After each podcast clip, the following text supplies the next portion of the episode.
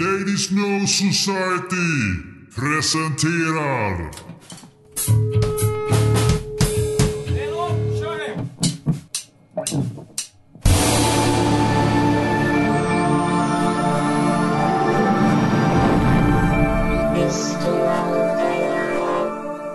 Ja, okej. Då är vi tillbaka igen. Mm.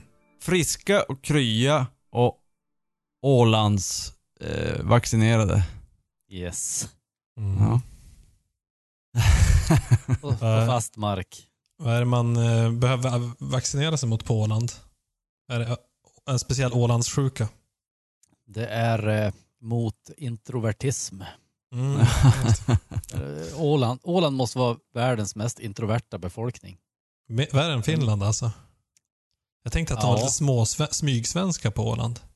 Nej men de är väldigt finska på så sätt. Okej. I sin, i sin intro slash extrovert. Men de är vansinnigt trevliga när man väl får kontakt med dem. Mm. Ja men är det inte lite så att, eh, jag hörde det var någon som pratade om eh, amerikaner och engelsmän. Att amerikanare, det är jätteenkelt att, att börja snacka med dem. De bara ja, så är de jättetrevliga, bla bla bla bla. Men du kommer inte så mycket längre. Men en engelsman, där är det så här, mm, okej, ja, jag vet inte. Ja, mm. Men sen när du börjar komma lite djupare, då, då kom du faktiskt djupt, blir lite djupare Mm. än amerikanen som bara håller, håller till det glättiga. Så du tycker att vi svenskar är som amerikaner? Nej, jag tror Nej. att svenskar... för, för finnarna? Ja, jo, Jo, exakt. För finnarna, ja. Ja. Allting är jag kände mig relativt. väldigt amerikanskt när jag var där faktiskt. Det är ju såhär, Prata med alla, social och lite ja glada gubben. Mm. exakt. Hålla så får låda. man svar ibland. Man känner sig som lite dum ibland när man pratar med någon och så bara får man en grymtning till svar typ. Men ja, Ja. Eh, ja, men eh, det är väl inte Åland vi ska prata med idag. Nej, några andra som inte kanske alltid var så framåt och amerikanska, fast ändå kom från USA. Grungerna. Exakt. mm, Vad hände egentligen i början av 90-talet?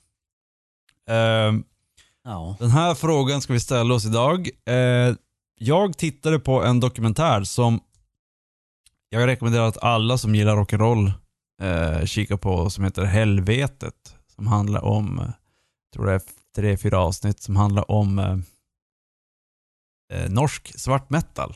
Hon heter faktiskt Helvete så folk kan Helvete, hitta inte det. Du lurar ju mig i chatten. Jag tänkte din, din tripp till helvetet. Jag tänkte Ja, att just du hade, du Mm. hade besökt det på något sätt. Ja. Helvete, okej, okay, utan te.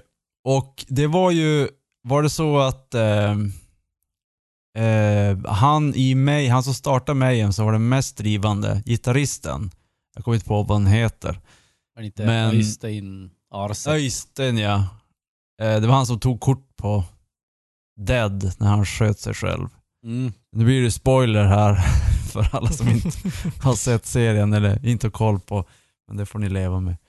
Eh, nej men skiv, han startade ju en eh, skivaffär. Och skivaffären hette väl då Helvete. Mm, just det, det minns man ju Mm. från den där eh, s- svenska dokumentären. Vad heter den då? Eller var den amerikansk förresten? Om, om dem.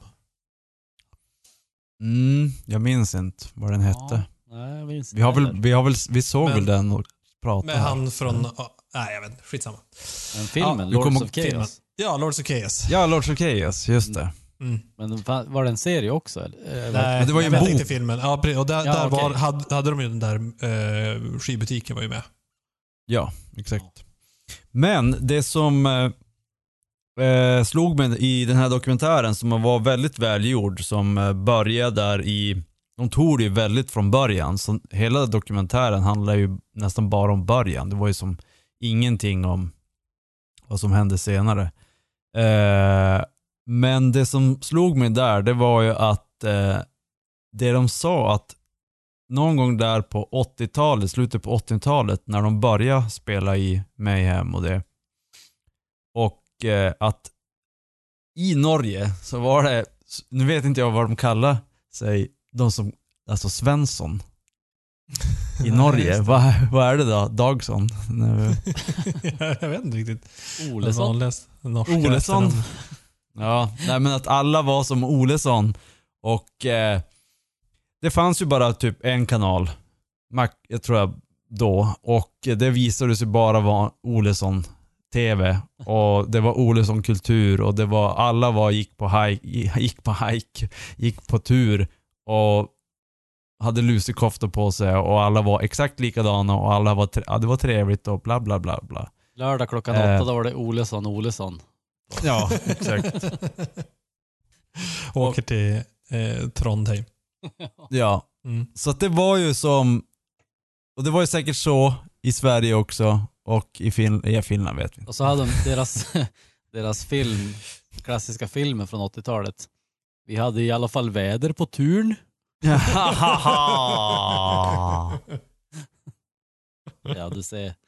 Bra där. humorn har inte tagit någon skada av att vara på Åland. Men det, när jag såg den dokumentären så kände jag att, okej, de, och de började gå in på 90-talet då, när det verkligen slog igenom. Och då började jag tänka så här, vänta nu, det här är ju liknande som eh, hände i USA med grungen. Att eh, det kom från att vara lite, vad ska man säga, mainstream eller alltså ofarligt så blev det farligt igen med rock'n'roll. Mm. Eh, och troligtvis så var det, jag skulle, och det, var där, det är där någonstans vi ska ta avstamp i det här avsnittet. Mm. Kulturförändringar. Precis. Och, eh, och, men, men specifikt, vi ska väl börja snacka om just 80 till 90 eftersom, ehm, ja, det ligger väl varmt om vårt hjärta. Ja. För oss generation X-are som är födda Exakt. på 70-talet så är 90-talet Mm. våran... Det var då vi pikade helt enkelt. Så Ja. lever vi på det fortfarande och gör poddar om det. Det, Mm. det, det är Ja, det vi har. Av att bidra till världen. Och vi kan väl säga att jag- jag skulle ju tro att vi egentligen var, är lite för unga för att vara med i just i den här stora grejen med 90-talet, eller? Nej. Jag tyckte vi var i re- helt rätt jag, ålder jag, har ju precis, jag, har precis, Okej. jag har ju två stycken äldre bröder. Min äldsta bror, han var ju väldigt mycket 80-tal. 80-talet var ju hans stora grej. Med långt lockigt hår och spela metal och Mm. eh, hela den Ja. sväng, svängen. Ja, alltså nog, nog jo, 90-talet var ju vårat. visst, vi är ju 90-talsgubbar, men det jag tänkte, just den här stora omsvängningen, Ja, I och för sig, alltså, vi var ju fortfarande barn när exakt, Nirvana kom. 91. Så, så, så är det, då var vi ju 13 väl. Ja, Mm. och det, det är ju inte att du har, du har, du har ju som inte hunnit bilda dig själv, din ungdomsidentitet vid 13 års ålder. Det är ju först då som du börjar typ, oh, Men det är därför Okej. 90-talet, alltså för jag tänker att 90-talet slutade då inte förrän vi var 23. Och då har man ju verkligen Mm. cementerat sin personlighet. Så att liksom från det att vi var 13 till 23, det är ju verkligen där man har sin, ja, där man sätter sitt ego på något vis. Jo, exakt. Men det jag menar är att vi hade inte påbörjat någonting på 80-talet. Alltså, 90-talet var ju som en öppen gata för oss. Vi hade inget motstånd att Nej, flytta nej, exakt. Vi tog ju på bara det in det. sättet. Nej, det var inte Ja. vi som drev 90-talet. Vi bara konsumerade 90-talet. Ja, exakt. Nej, det var ju som... eh, Så vi hade ju inte man samma hade ingen problem. horse in the race, så att säga. Nej, Så att det var, inget, vi hade ju det inte- var ingen konflikt. nej, vi hade inte samma problem som de, som de här Öysten och de i Mayhem hade. Att de kände sig fast, fast i Norge och fast i det här samhället som var gosigos. Vi var ju, vi ville ju vara ett gosigos-samhälle för vi var så små då. Mm. Ja. Ja, nej, men det är intressant. Det är intressant. Jag, jag, jag har en liten spaning på slutet som jag kanske måste justera lite grann med tanke på just det ni säger. Att det finns ju en skillnad i att vara de som ska säga, definierar ett årtionde eller en tid eh, och de som definieras av den tiden. Mm. Eh, och, ja, nej, men det är intressant. Jag tror ändå man kände av som barn, alltså att man kände av föräldrarnas, eh, alltså det de kände liksom i tidens strömningar så att säga. Jag menar, jag minns, jag minns jag såg ju på nyheterna när de sköt eh, Ceausescu, eller inte när de sköt honom, men de, de visar ju faktiskt på nyheterna hans döda kropp som låg efter att han Mm. blivit arkebuserad där i, vars fan det där var, Rumänien. Rumänien. Mm. Och det var ju liksom, var det 89 då, när Berlinmuren föll och liksom, alltså när, när kalla kriget tog slut i princip. Det var Mm. ju som en ny era som började på något sätt. Och slutet av, eller egentligen hela 80-talet var ju extremt, om man ser till USA, så var det ju väldigt så här äh, superindividualistiska årtiondet. Alltså då verkligen, då det blev coolt att bara vara känd för att vara känd. Eller liksom att bara satsa på sig själv eller att tjäna jättemycket pengar. Ja, det Då- att bli ett namn. Att bli det ett liksom- namn, precis. Det spelar ingen roll hur man blev det, men bara man, Ja. bara man var känd så var man värd någonting. Liksom. Ja, det var yuppie-eran. Återigen, Ja. så det, det som vi definierar som 80-talet, sen så måste man ju tänka att 80-talet var ju inte bara det. Precis Nej, som att jag menar- vad jag 60-talet var inte bara flower power, men det är ju det Nej. som är definierande för den eran, absolut. Men, men vad jag menar är att i, just i USA, det kom ju därifrån det här 80-talsgrejen att med liksom flasha med sina pengar och så vidare och yuppie-nallen som var, vägde två Mm. kilo liksom. Man skulle ju ha en sån för att då var man cool. Mm. Och det, jag tror ju att mycket av det var säkert propaganda också för att visa att våran livsstil är den rätta.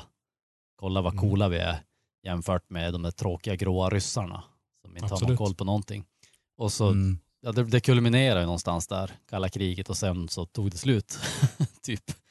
Då blev det så här, äh, det är ingen vits vi fortsätter att kapprusta kärnvapen för att Nej, och det man tänker då, det är ju spontant att det är ju någonting, Berlinmuren faller, liksom det grå ryska, sovjetiska faller. Eh, det borde ju ha bana väg för någonting väldigt, väldigt positivt och, och eh, framåtriktat, framåtlutat och liksom nu har vi framtidstro och så kom mm. grungen. Vad var det egentligen som hände där i Ja. början av 90-talet? Men det var väl den motreaktionen på något sätt också. Även och på ett sätt väldigt mycket i linje med det här individualist, individualismen som hade, det hade banats väg för verkligen på 80-talet. För plötsligt så här, men nu har vi hållit på med det här i tio år att bygga, liksom nu spraya upp luggen och tagit på oss glitter och, och liksom visa att vi har en rulle med pengar och kört runt i limousin. Vad fan kan Mm. man göra för att göra revolt mot det? Ja, det är ju att inte bry sig om status Att vara en riktig människa. Att vara en, ja men typ, inte ens en riktig människa. För att på ett sätt var det ju så här en människa som inte brydde sig om någonting. Och det är ju ingen riktig människa heller. Nej, jag håller med. Det är också bara Nej, en men, image. nej. men det jag tänkte det- mer på, om, säg, om vi tar musik. Mm. så var det ju på 80-talet så, som Europe till exempel, Joey Tempest, alltså man hittar på andra, man använde artistnamn. Ja. Och det var en stor show. Det var, det var ju verkligen att du var en artist. Du var inte en person, en, en mänsklig person som gick upp på scenen och spelade musik. Alltså en riktig Nej. person. Utan du var ju en fejkad person. ja. Och som Joel säger då, att som i USA, att vi måste fejka allting för att det är en del av propagandan. Alltså fake, 80-talets fake gick sönder vid Mm. muren bara, nu okej, nu behöver vi inte fejka längre. Mm. Jävla så skönt, nu kör vi. Nu kan jag vara, nu kan jag vara eh, Joel Lundmark. Det är väl ganska mycket det som eh, grungen är, just den här genuiniteten. Att det är det man Jo. vill få fram och då är det både... Allt var ju inte deppigt. Nu var ju grungen ganska deppig, men jag tänker så här R.E.M. eller eh, jag vet inte, andra band som var stora då också var ju kanske inte deppiga, men de var i alla fall genuint. Man fick ta både det ljusa och det mörka om man ska ha det på riktigt. Mm. Mm. Jo, men så är det ju. ja. Precis. Och ba- Nej, men det, Jag tänkte Ja. på tal om det mörka. Eh, ska vi ta en gravöl kanske? Ja.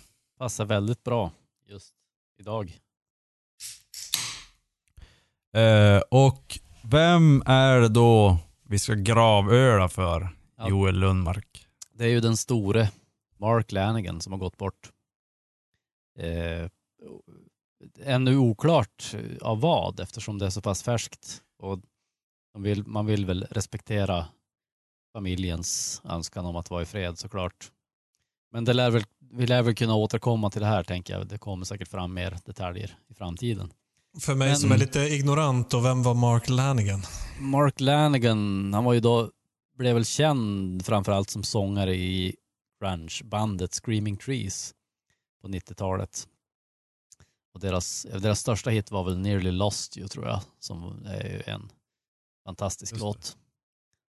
Eh, och eh, sen har han ju även spelat med Queens of the Stone Age, så det är ju Han var liksom en fast medlem där, eller bara... Ja, han, var, gästspelare. han var väl med i några år, alltså på ett par skivor typ.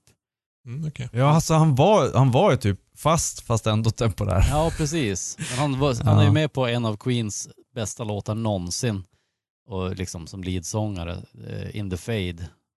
Den låten Mm. är ju Mark Lanigan i sitt esse skulle jag säga. Väldigt lågmäld men ändå, Mm. ja det är så träffsäkert på något sätt. Sen sjöng han Ja, väl jag på, ge, på Songs for the Deaf också, alltså den skivan. ja, just det. Mm, är... Jag gillar aldrig hans eh, grej på Kotsa. Jag tyckte det bara var... Bara, nej, ju- nu kom, nu kom den där jäveln igen.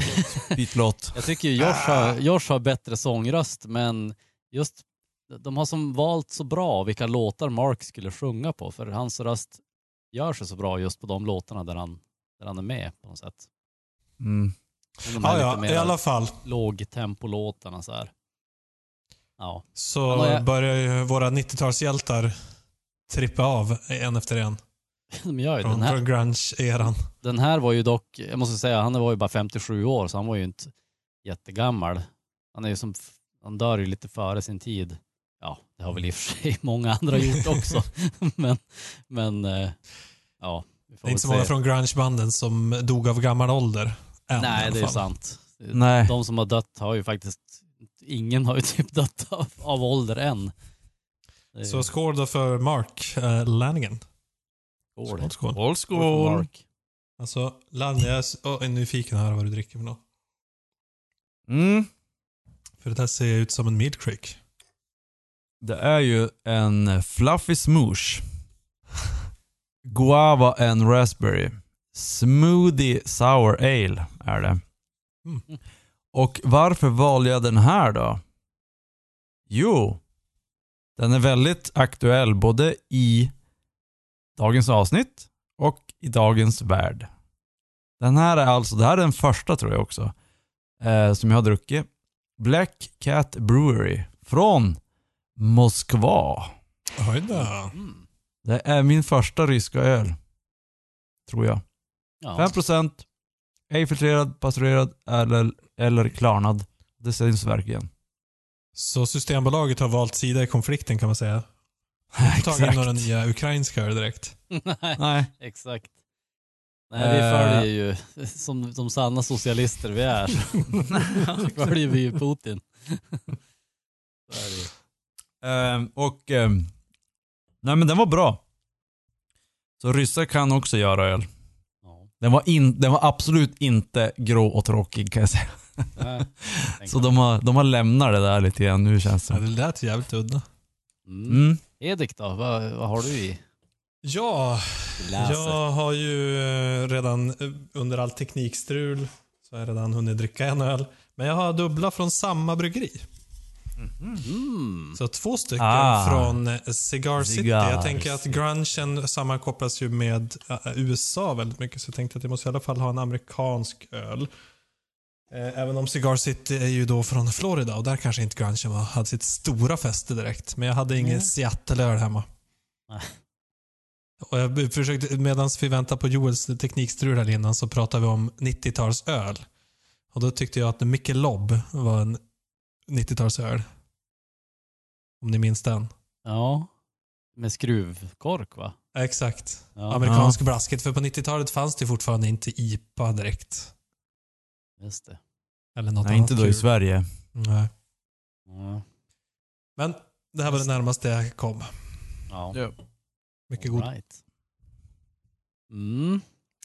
Alltså, jag dricker ju då en, det här är ju lite dubbel koppling insåg jag just eftersom han dog ju faktiskt på Killarney, Isle- Ireland, eller i. Killarney på, på I- ön Ireland. Aha. Och eh, det är en stout jag dricker. Oh. Eh, jag funderade länge vad jag skulle välja för öl. Det blev en öl som jag fick på Farsta faktiskt. Eh, eftersom Mark Lanigan då har nått sin vanishing point. Mm. Då blev det den. Innocent Gun 05. Det är en, en Imp Stout som sagt. 11 procent. Det står inte, det står inte att det är något konstigt i. Det står bara att det innehåller korn. Men den var, var fa- faktiskt en riktigt värdig gravöl måste jag säga. Den var supergod. Alltså Innocent Gun. Mm. Eh, från början när de började med sina lite specialöler öler, så var det som ändå bara, ja, det sma- smakar Innocent Gun. Ja, det var, De- det var det är som ju- inget... det- alltså det, Nej. det var bara så här, det smakar ek typ. Mm. Ja, sam, ah, samma jäkla smak. Det är ungefär som Burger King. Mm. Det spelar ingen roll vilken hamburgare du köper. Bara, åh, Nej. nu är det barbecue, nu är det något annat. Så bara, ja, det smakar exakt likadant. Ja. Det spelar ingen roll vad de har på dem. Ja, Och det, är samma med- med Innocent Gun. Ja. Ja. Jag har inte druckit Men- dem på många år för jag varit så less. När de kom eh, först där på 00-talet, så bara, ja det här var ju kul. Mm. Och sen så vart man ganska fort less på det. Och Man sen, blev så mätt fort på den där grejen. Ja. Men här måste jag säga Men- att eh, eklagringen har gjort underverk Ja. med den här ölen. Nej, De men jag har druckit hitta några, balansen i det på något sätt. jo, jag har, jag har druckit några eh, såna här special Innocent Gun som har varit bra. Så att, eh, Mm. Det är inte, vad, Joel, vad ska man inte göra? Ja. Vad ska man inte göra? Med Innocent Gun-ölen? Ingen aning. Något med barn. Och vatten. ni, ni kan tro att alla minns allt. Ja, Vad fan Joel, din slogan, din, din grej. min Man ska grej. inte, Kasta man ut ska inte kasta ut barnet. barnet, Ja, Med- med badvattnet. babyn, med just det. Baby var det. Ah, ja, det Ja, var... den var långsökt. Jag tänkte att det var något med långsökt. Innocent Gun, men det var bara Ja, nej men jag, allmänt Joel. I hear you. Jag förstår precis nu hur du menar. Mm, exakt. Precis. Bara för att den är Innocent Gun ska behöver du inte kasta ut den Nej, med badvattnet. Exakt. De hade en god tanke där i början. Sen har de provat sig fram. Mm. Mm. Ja. Men det Ja, gjorde ju vi- också våran hjälte Mark här. Han, Hoppa han tillbaka till... Ja. Eh, bidrog han egentligen med så mycket här under eh, grunge-eran, Mark? Alltså, jag För har jag ju har ju faktiskt... inte ens hört talas om de där, vad de nu hette, Snow Patrol. Scream, screaming. Men jag, har ju, jag har ju insett, jag lyssnade ju aldrig på Screaming Trees när det begav sig. Men jag har börjat lyssna på dem senare. Och han har ju faktiskt då, som sagt, Queens of the Stone Age var väl det första bandet egentligen som jag lyssnade på på riktigt. Där Mark Lanigan var med. Och sen har han ju även varit med i Eagles of Death Metal. Mhm. eh, som nå- någon sorts kanske halvinhoppare där också, jag vet inte. Han har varit med i Masters of Reality som också är ett gammalt 90-tals eh, Seattle-band typ. Eller Washington-band i alla fall. Som jag också har lyssnat en del på. Och eh, han har ju varit med inblandad i Mad Season på något sätt också. Mhm. Så att han har ju varit med i Ja. jättemånga band som jag har lyssnat på utan att jag kanske har förstått liksom, Ja, just det det. var just Röda han. tråden. Ja, precis. Så att, eh, Ja. han, har ju, han har ju på ett sätt format mitt liv utan att jag har vetat om det. Så därför tog det lite extra hårt. He's a little puppet master! Ja, men han är ju det. Han, han var, ända fram tills igår. Mm. Ja. 22 Tills han dog. februari. Mm. 22 i andra 2022, det är ändå ett bra dödsdatum.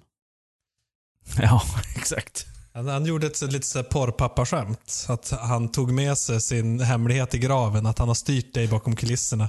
Ja, Ända tills han dog, då får du reda på det. I was always number two and that's why I died on 22 22 22 22. Tu, tu, tu, tu, tu, tu, tu, tu. Ja. Och en liten an, en annan 90-talsklassiker har ju dött också som vi kan, när vi redan pratar om 90-talet och så. Bob Saget. Åh, var ju just Huset fullt. Ja, huset Och, fullt. Det är en eh, riktig 90-tal. Dolda kameran, vad heter det? där? America's funniest Just home det. videos. Ja. Plus en liten instickare om ni minns eh, Tourettes, vad hette han? Tourettes guy. What? Han var en Ja, You- jag känner igen det, men- YouTube-sensation tidigt 2000-tal. Okej. Bob Saget? Ja, Han hade, nej alltså Tourette's guy. Tourettes guy. Aha. Jag minns att du Tourette's guy, han, han skrek ju obsceniteter och så här. Ja, han hade det, alltid ja. en nackkrage så här. Och så Mm. en av hans obsceniteter som han skrek var Bob Saget! Så att, jag vet inte var han fick det ifrån, men han tyckte tydligen att det var lite tabubelagt att säga Ja. så. Han var ju som en mysfarbror, men jag har läst i efterhand att han var egentligen ganska dirty. Jo, han hade ju, hans upp var ju helt, helt tvärtom mot för, eh, vad hette Huset Fullt. Mm, det var ju Mr Nice Guy. Ja. Mm, exakt. Du vet, i de lugnaste Men- och- vattnen. Mhm. Jo du. Det sjuka var att han hade typ slagit ut huvudet lite grann och så hade han gått och lagt sig och somnat. Så när man slår i huvudet ska du gå inte och lägga. Då ska man åka till herr doktor. Judge. Mm, Okej, bra att veta. Mm. Mm. Yes. Ja, Okej. Tillbaka, Tillbaka. till 90-talet. Mm. tillbaka till framtiden som var stort på 90-talet. Mm. Jag kan dra mycket 90-talsreferenser i det här avsnittet känner jag. Ja. Fast det var väl... Det enda man kan dra referenser från också, så att man får passa på nu. Exakt. Men någonting annat som hände på 90-talet som eh, det tog de upp i den här serien, Helvete, det är ju eh, att det börjar komma mer tv-kanaler. Det blir mer radio, det blir mer kommunikation i omvärlden. Och de pratar Mm. väldigt mycket om fansigns, att de skickar det och att de upptäckte att vänta nu, det finns andra freaks, Mm. freaks and geeks, eh, som gillar samma sak som jag gör. För MTV kom ju säkert där i början på 90-talet. Nej, mitten av 80 tror jag redan, men det blev Ja. inte stort förrän vid 90. Nej, just det. Och då hade vi, då var det ju, ja, Headbangers Ball har vi till exempel. Mm. Nej, Nej, men det, det, blev, det som jag, jag tror tänker att det blev en reflektion bara på, på det första där med 80-talet och, och mm, inte bara enkelheten i att sprida det utan också vad som krävs för att göra något stort. Det är lite grann som Hollywood idag. Liksom att ska du göra en film så krävs det så stor investering så du har inte råd att chansa. Eh, utan du måste liksom satsa på något ganska safe. För jag tänker att på 80-talet kanske var så. Det fanns bara en kanal. Det fanns bara en festival att spela på eller en turné. Liksom, så du, du hade inte... Du, du vågade inte chansa utan då, men då kör vi säkra kort. Kända musiker, vi sätter ihop dem i något pojkband. Nej, för sig senare man gjorde pojkband. Men du fattar vad jag var på menar? 90-talet. Du fattar vad jag menar? Att det blir liksom Ja, lite mer streamlinat. Där det finns, som idag, då kan ju vem som helst skicka ut vilken musik som helst och då har vi också ett landskap därefter. Att det finns liksom inget trendigt. Nej, nej exakt. Jag brukar, ju, jag brukar ju säga så här och jag står fast vid det. Nirvana var det sista bandet som alla, och där är det ju då alla inom parentes, inte alla men alla, gillade. Det, det kom inget band efter det där, som var lika stort som Nirvana. I din värld, nej. Det där... Nej. I hela världen. Nej. Vad har, vad har... Alltså, hade Beatles- Nirvana sålde Elvis- inte ens mest skivor medan de fanns. De var ju fortfarande alltså, inte det största bandet då. Nej men det var ju hans Elvis- självmord som gjorde att alla i hela världen började sjunga på samma låtar. Det var det ju faktiskt. Så, ja. Men de lär ju inte vara det mest sålda bandet från 90-talet. Det kanske var Metallica då. ja. Nej men det är ju... YouTube Alltså, nu- eller vad som helst. Ja. ja, De det hade ju en stor kulturell impact. Eh, De var ju inte... Ja. Det är ju, det är ju, alltså det är ju, helst. Kä- det är ju Kändhet inte bara- det är ju inte- är inte ja. samma sak. Nej, exakt. nej, det, det är ju inte, det är ju inte, vad heter eh, så det är inte bara sålda skivor, det är ju som hela grejen. Alltså Elvis, Beatles, Nirvana. Mm. Jo, de är ju med i den ligan. Ja. Jo. Men efter Nirvana Ja. har det kommit någonting som har gjort samma stor impact och där det är som ett, ett fenomen. Jag tror inte det hänt, för att, och det är exakt det du pratar om, för nu efter när Nirvana kom, efter det, eh, internet, det blir mer och mer och folk kunde göra, börja göra musik hemma på en laptop nu för tiden, men eh, på en dator och liknande. Det blir billigare att göra musik, lättare att trycka upp på saker, trycka upp saker. Grejen är det, varför jag, en av anledningarna att jag stör mig lite på den analysen är för att jag tycker ju att snarare Beatles var det sista som var så stort, som var ett världsfenomen på det sättet, som alla lyssnar på och som var det enda folk lyssnar på liksom det stora bandet. Liksom. Känns det som, nu var jag inte med på den tiden, medan Nirvana var ju stort, som sagt, som ett kulturellt fenomen och lite grann i efterhand så var det så här, ah, oj, saker ändrades verkligen eh, när Seattle-vågen kom. Mm. Eh, men när man var i det så, jag lyssnade inte ens på Nirvana på den tiden. Ja. Nej, men jag tror Jag tyckte att det var skillnad- ett ganska dåligt skitband. Som Skillnaden där är väl alltså möjligheten att sprida som, som Nicke pratade om lite grann. Alltså, för när Beatles var som mest igång, varför de, det här Beatlemania och allting, det var ju liksom livespelningar som drev på det. Och det Mm. finns ju, efter det finns det ju inget band som kan liksom säga att vi har varit, eh, liksom, vi har dragit mer folk till livespelningar än något annat band. De har varit helt, de har har varit helt tokiga och så här. Men det var ju för att det var ju det som fanns då. Och så kunde man köpa Mm. skivan sen. Men när Nirvana kom så fanns det ju liksom MTV och ja, men en massa andra spridningskanaler. Mm. Och då var Men det, det ju finns på ett sätt inte lika, det blev ju inte lika coolt att äga skivan.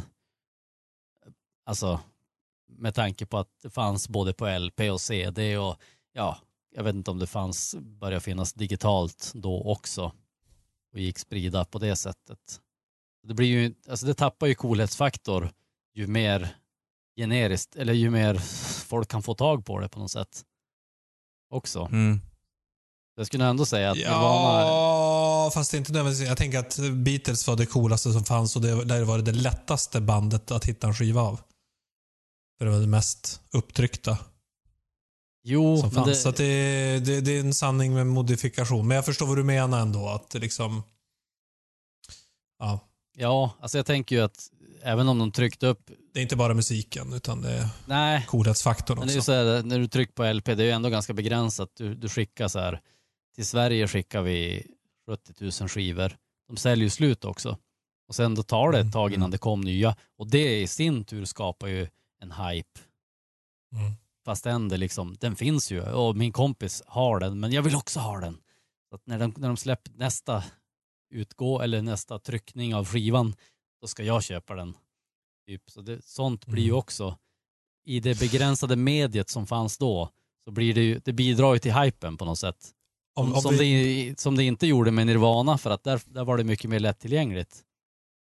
Och ändå så blev Nirvana liksom, jag menar alla i hela världen känner ju igen Come As You Are eller Smells Like Teen Spirit. Ja, det är Jesus och Kurten. Ja, så att, så att med, tanke, med det tanke där skulle på... jag vilja särskåda. Jag, jag, jag, tänker ofta att man är liksom i sin egen bubbla. Jag, jag, jag håller ju med. Jag tänker också att ja, men alla vet ju vilka Nirvana är och, och kan nynna med deras bästa låtar. Men vad vet vi? I Ja, våran fast, värld så är det ju så. Fast, eh, Jag tror i, i Afrika, då kanske man har hört U2 men inte Nirvana. Nej, men nu, nu är det väl så här också att det börjar, vara, det börjar faktiskt vara en generationsfråga. För att Jo. du går, om du går till en också. 20-åring idag så vet inte alla vad Nirvana är. Men går du till en 40-åring idag så Men- vet alla på hela jordklotet vad Nirvana är. Ja, Men, men vet, vet en, Ja, vet en det- 20-åring Jag, jag, jag vågar stå för dem. Ja, vet en 20 vet en 20-åring eh, vem Elvis och Beatles Jo, det tror jag. är? Ja, de, de det kanske... Jag är, tveks, jag är tveksam. Nej, men Ja, jag- jag tror det är samma där. Alltså, om vi säger så här, en 20-åring idag har hört namnet Elvis mer än vad de har hört namnet Kurt Cobain. Ja, jo. Ja. Och Det- antagligen namnet Madonna mer också Ja. än Kurt Cobain. Men, frå- men frågar du dem vem, Madonna? frågar du dem Vem vem Paul om McCartney Madonna? eller John Lennon är så har de inte hört bara- det. Nej det, nej, det tror jag inte. Kulturella ikoner av sin tid. Men ingen pratar väl om Ma- Madonna nu? Ja, nu, nog tror jag att kidsen Ja, Madonna i lika då. stor utsträckning vet vem hon är som vilka Nirvana är. Nej, då, då tror jag mer att de har hört namnet men de har ingen aning om hur, hur det låter. Det är samma som Nirvana då. Ja, precis. Men Ja. som sagt, de vet nog mer Madonna och Nirvana än vad de vet John Lennon och Paul McCartney. Men Jo. tillbaka till spåret så är det Jaha. hur som helst intressant att, att eh, jaha, inte sur. Nej det var in... Så jag jaha? Ja, jag tror det. Eh, Nej, Spåra jag var inte sur. Det var, det var mer ett, ett roligt ja. Ja. Ehm, för det som blir intressant här är ju lite grann det som vi försöker koka ner det till. Är så här, hur stor impact hade Nirvana och grungen eh, på kulturen? För det, det är ju lätt att se att någonting hände, du som, lite som du var inne på där i början Joel, med, med att muren föll och socialismen föll och, och, och liksom det hände saker i världen ungefär samtidigt som musiken också ändrades väldigt mycket. Klädstilen ändrades väldigt mycket. Attityden till saker ändrades väldigt mycket. Och det är lite det här som jag tänker att vad, vad kom först? Var grungen bara ett uttryck av politiken eh, och, och, och, det geopolitiska läget? Eh, eller var de i alla fall till viss mån också en draglok för det? Den förändringen som skedde. Jag, jag tror ju att det finns något samband mellan det och eh, just helvete. Mayhem och svart metall. Att det är Det mot, inne- mot reaktionen där. Ja, att det är någonting där eftersom det var ungefär samtidigt som de två grejerna blev stora eh, i början på 90-talet. Eh, någon sorts, ja, Jag ser, det, det, må, det har säkert, det, jag tror att det har någonting med kalla kriget att göra. Det måste vara någonting ja, med jag det. tänker också så här, man säger, det finns ju ett annat uttryck i början av 90-talet och det är ju den ironiska generationen. Mm. alltså med Killinggänget då i Sverige, men, men garanterat att det finns liknande strömningar i, i andra länder i världen. Alltså, Killinggänget. Mm. jag tror inte att Killinggänget kom på allting från scratch. För Nej, det de gör ju kopierar ingen ju- komiker, utan alla kopierar ju någonting som har Ja. kommit just före dem eller långt före dem eller så. Men alltså alla Ma- komiker känner ju av vad som är aktuellt just nu i världen. Det är ju, det är ju s- det är Man- så komik funkar på något sätt. Och, Manegen kopierade ju mig rakt av från någon engelsk show. ja, just det. Det känns lite engelskt i sitt upplägg till och med, så att det skulle absolut inte förvåna mig. Ja, och det är ju, jag tänker så här att grungen och svartmetallen, det är egentligen två olika uttryck av samma grundgrej. Mm. Att det är en stark motreaktion på en kultur som bryr sig lite för mycket om egot. Mm. Alltså ena, ena sidan Mm. väljer att Exakt. skita i allt och inte bry sig och låtsas liksom, eller att bli cool genom att inte bry sig alls. Och andra sidan Mm. väljer att bli cool genom att, eh, ska man säga, bryta ner egot på ett väldigt, alltså att låta nedbrytelsen av egot ta en väldigt central plats på något sätt och att bli ett eh, altare för decay på något sätt. Att låta sin kropp bli, alltså. Ja för det är ju, det är ju också, det är ju, Och, och ingenting. Mm. Ja. det är ju också, Decay är ju ganska bra det du säger där. Att, för det är ju någon sorts, svartmetallen är ju väldigt enkel att säga, ja det är ju död. Mm. Men grungen visar sig ju att det var ju död också. Hur många, som vi pratade om tidigare, det är ju många som har dött. Mm. Så det var ju någonting, någonting svartare än svartmetallen nästan. Mm. Mer förfall än död kanske, men Vi hade, vi hade ju självmord även i, i Mayhem, alltså Dead som tog självmord. Mm. Han sköt ju skallen av sig, samma som Kurt Cobain. Men bägge, Så det, är, det finns ju likheter där, alltså det är ju, det är någonting. och jag tänker att bägge sidorna också drivs av en viss, ett visst mått av nihilism. Alltså att det finns ingen mening med det här vi håller på med. Det är, Mm. det är själva liksom det man vill ge uttryck för med motreaktionen mot 80-talet. Det finns ingen Mm. jävla mening med det här jävla 80-talet som vi... det finns ingen mening med mer än Nej. bara 80-talet. Med livet, men alltså med att- existensen. Att om, om det här är liksom the pinnacle of existence, 80-talet, det, det vi håller på med nu, liksom att visa att kör du, sitter du i en limousin med pudelfrilla och dricker champagne, då har du lyckats.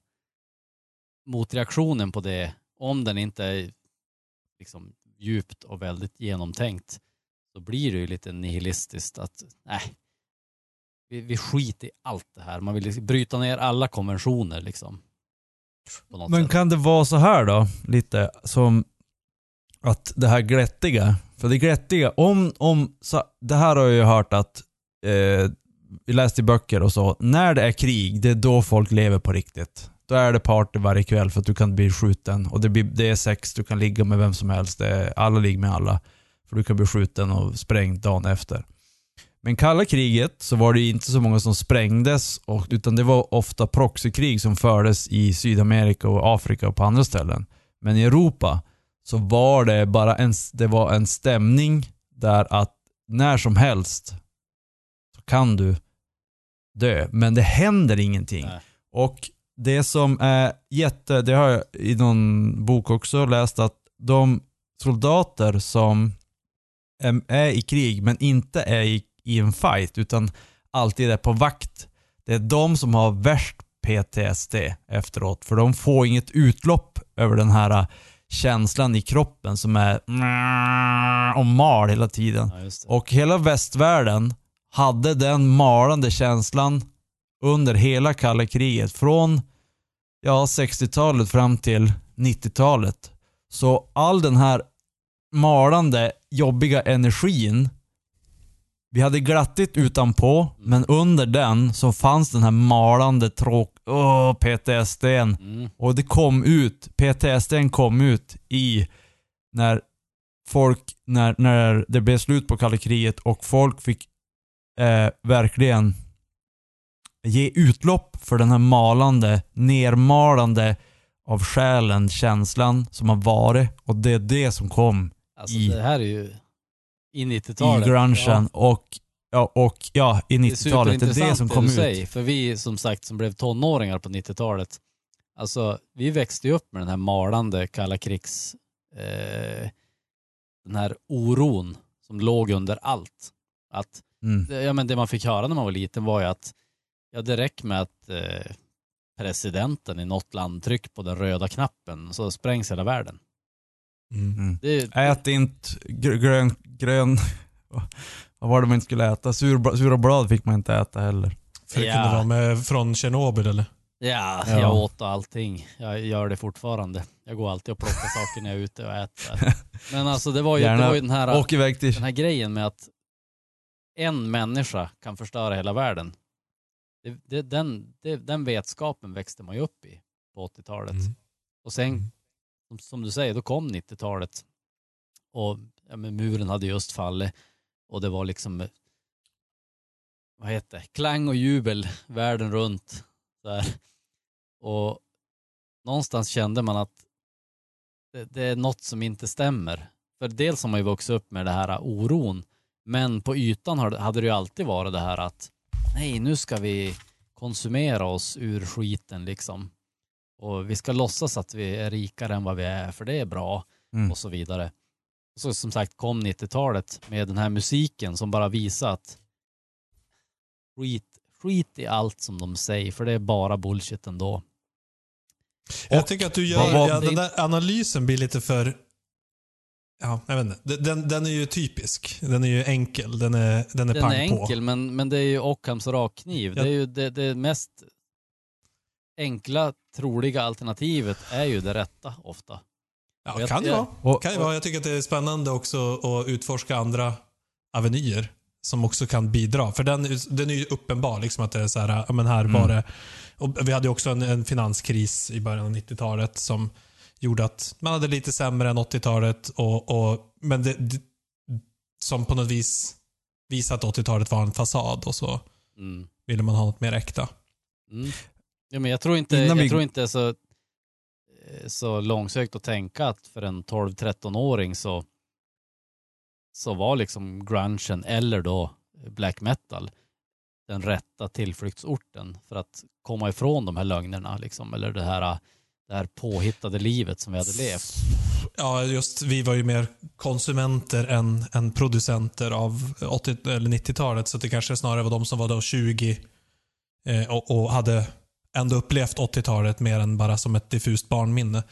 Men, men visst, jag förstår vad du menar. Att det, att det är det där... äh, Nej, det här... Det här håller inte. Det, men jag vi tror måste inte- jag- få jag tror till inte en en- förändring. Jag menar inte att det var en medveten tanke utan jag menar att det, det bara det var en känsla man hade. Och så kände Mm. man att grungen talar sant i mina öron liksom. Det, det här är ärligt. Det här är en ärlighet på en ny nivå liksom. Som jag aldrig har sett för. de skiter Mm. i allt. Fan vad coolt. Det här är ju det coola. För att det är ju Absolut. det, det, är det det är- vi borde mot- ha gjort. liksom. Det är hur, hur motreaktionen uttrycker sig. Men jag, Ja. jag, jag skulle vilja plocka upp lite på det Nicke sa där med, med konflikterna, hur de har varit och att just kalla kriget. Alltså, vi kommer ju från en period här som har varit krigsfri egentligen i våran In- del av världen ganska lång tid. Vad skulle du säga? Innan vi går för långt bort, för det, det händer alltid så här. Så, vänta, jag skulle säga en grej för tio minuter sedan, men jag vill bara säga det här innan du går, kör din rallering, Hedenström.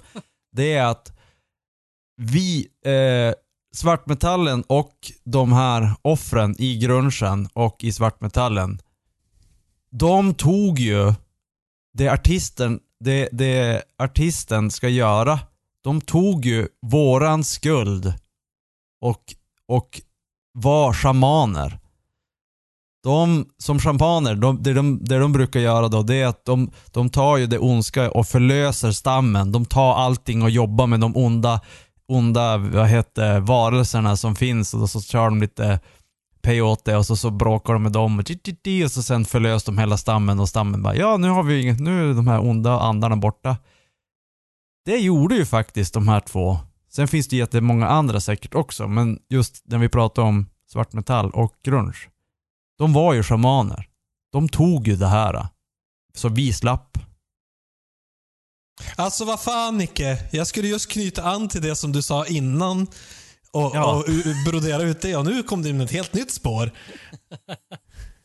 Med shamaner Ja, och men- grejer som också är asintressant som jag också Ja. vill utforska. Men det är väl det egentligen alla Okej. musiker är. Det, det, det gäller ju inte bara Ja. för... Nej men det är det De jag menar, att de var de äkta med musiker, äkta artister. Ja, de, var, de gjorde det som en artist ska göra. Ja, Det konsten är till för. ja, ja. Det, är det, det är det här konsten är Det till var väl för. det, just de som, som du säger, de som fångar tidsandan bäst i musiken. Det var, då, det var de som blev den rådande trenden, alltså black metal och grunge. Mm. Och så här, o, ja men nihilismen egentligen. Det- De två musikstilarna fångar ju nihilismen på ett bra sätt. Där att det finns ingen mening med något så låt oss eh, skapa kaos av skiten. Och bara sluta bry oss. Mm. Så, Hedström. Kör med din, kör din raljering nu. Vi kommer helt på ett annat spår, men okej.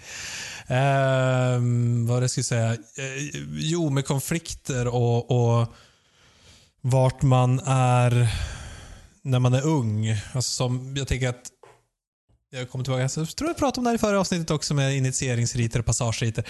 Eh, att, att ofta som, som ung så, så behöver man gå igenom någonting som får en att liksom bli vuxen. Eh, på, på ett mer eller mindre frivilligt sätt. Och ganska ofta är det krig. Att dra ut i krig eller eh, nå- något omvälvande event på något vis. Och det har ju ingen behövt göra, eller ingen ska jag inte säga, men mycket färre behövt göra sedan 45. Och att på något vis de som var... Det, det här gör att det blir något oförlöst, känns det som. Att det, det finns inte den här... Ja, men vi har fått skrika av oss, vi har fått skjuta, vi har fått göra det. Utan det blir, för oss, oss då, eller för dem kanske lite innan oss då, som vi pratade om. Så har man aldrig fått någon riktig frigörelse från mamma. Typ.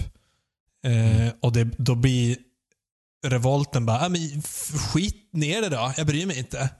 Eh, det- det, blir liksom bara en anti-revolt på något vis. Att det är inte så här att vi försöker störta samhället för vi behöver fan göra något åt det här för det, det suger. Utan bara, ah, allt suger men vi accepterar det. Eller bara skit i det. Och så, så har väl med- revolter sett ut sen andra världskriget i princip. Att, att man har liksom... Fast jag tycker inte att 60-talet såg likadant ut. De, de försökte ju verkligen ändra på samhället. Jo. Jo, jo, absolut. Men de, det var ju också på något sätt eh, ett förhalande av att mogna och bli vuxen. Det var väl så de försökte förä- förändra samhället, för de tyckte att samhället kanske var lite för eh, Mossigt. moget och vuxet. Och de ville, Det fanns ju de, två- de ville liksom, Ja. nej nu ska vi alla vara barn och vi ska lyssna på barnen och så ska vi leva i... Nej, jag tycker att de var ju ganska mycket politiska liksom, mot Vietnamkriget var ju jättestort och Jo, exakt. eh, miljörörelsen och liksom man ändå tar ansvar. Så jag tycker inte att det är... Ja, fast ah, jag vet inte om jag skulle... stämmer riktigt. Jag vet inte om jag skulle säga att ta ansvar var någon så här, eh, bestående grej från det Det är där. klart, de var ju fortfarande unga. De Men... ville, ju, de vi- ville ju ge sken av att de tog ansvar, men det, det ville väl Kurt Cobain också. Och- När då? Ja, men I alla hans intervjuer som han någonsin har gett så har han väl ändå utstråla ett ganska stort mått av intelligens men också någon känsla av att han ändå ville ja, men, i sin revolt mot konventionerna ta någon sorts ansvar. Han, han pratade om det när han, när han skulle få barn. Ja, han liksom, ville- att, ja, men tidigare kände jag att eh, hur kan man sätta ett barn till den här världen typ. Men det där har ju som totalt förändrats nu liksom och jag börjar känna att det finns något att, att leva för och så vidare. Alltså jag menar det handlar ju om ansvar om någonting. Men, Fast det, ja. Men ja, ja, alltså det är det, det kan ju inte vara talande för en generation. Nej, för generationen är ju fortfarande någon som vänder eh, samhället ryggen. Jo, jo, men det var ju talande för han som individ. Och det var ju ändå han som, som ja, vad ska man säga, han var ganska tonsättande i den där. Först, först så brydde han sig ju inte alls. Han var ju en konstnärssjäl liksom som verkligen visade att fuck alla konventioner. Och sen så, oj, nej, nu ska jag bli pappa. Nej, men jag tror ändå att det finns något att jobba på här och kämpa för i, det som finns. typ. Så Ja, det, det är ju de- klassisk så här äh, ja, det, walk of life liksom. Men äh, ja, sen tog han ju ändå inte ansvaret riktigt. Eftersom han tog bort. Nej. Eh, en liten instickare där om 60-talsgrejen. Eh, Ramdas brukar ju prata om att det fanns två olika. Eh, det var några som var all in på eh, att ändra eh, samhället och hälften var att koppla helt bort sig från samhället. Så det fanns ju Mm, två olika hippie, hippiesgrenar. Han var ju den som stack till Indien och sket i samhället och nu ska vi bli all in på spirituellt och inte bry sig något om samhället. Medan de andra var, som ni sa, eller kärnkraft var ju väldigt mycket. Mm. Och så, eh, eller, och krig, Vietnam och eh, miljörörelsen. Och den första, första feministrörelsen kom ju då också. Mm. Så kan, När, den fortfarande var, när den fortfarande var vettig. man kan ju också tänka att eh, liksom det finns, vi har ju de här ledarfigurerna och de som verkligen tänker efter och kommer med någonting vettigt.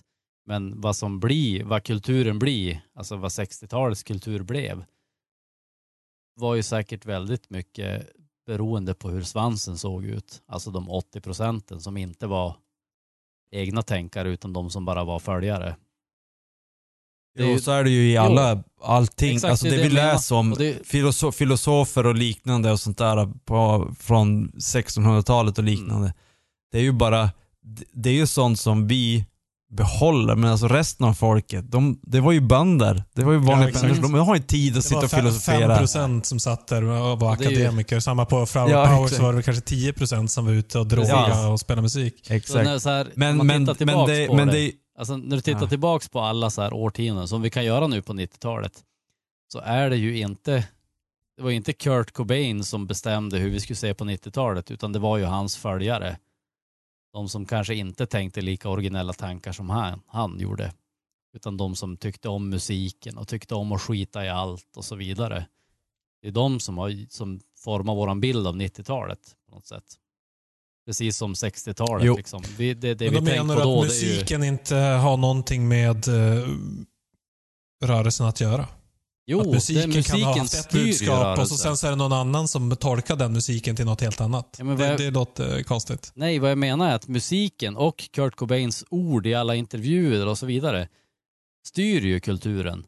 Men de som följer förstår ju inte 100% av det han säger eller det han spelar.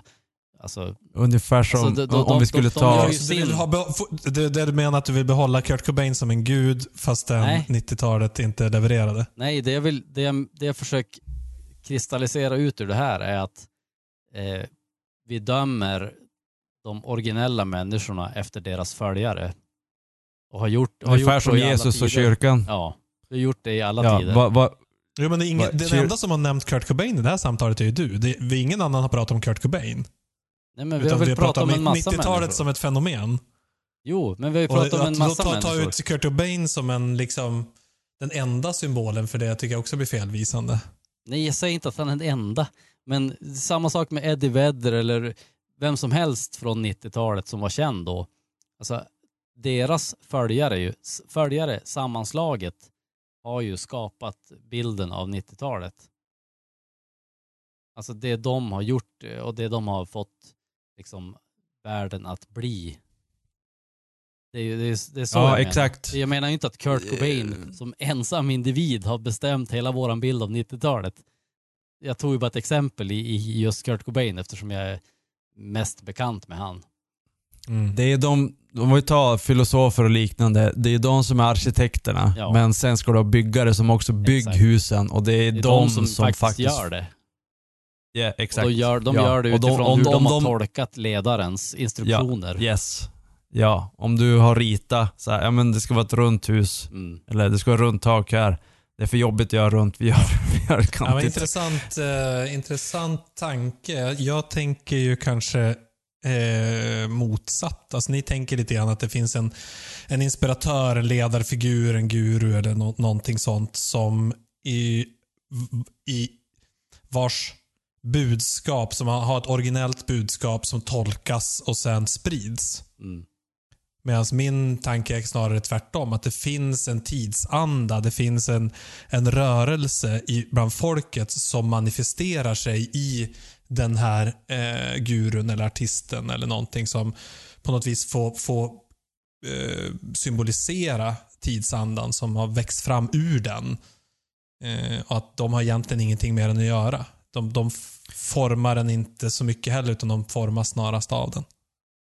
Både och, men grejen är att det du pratar om Hedenström, det är början, det är det som är före.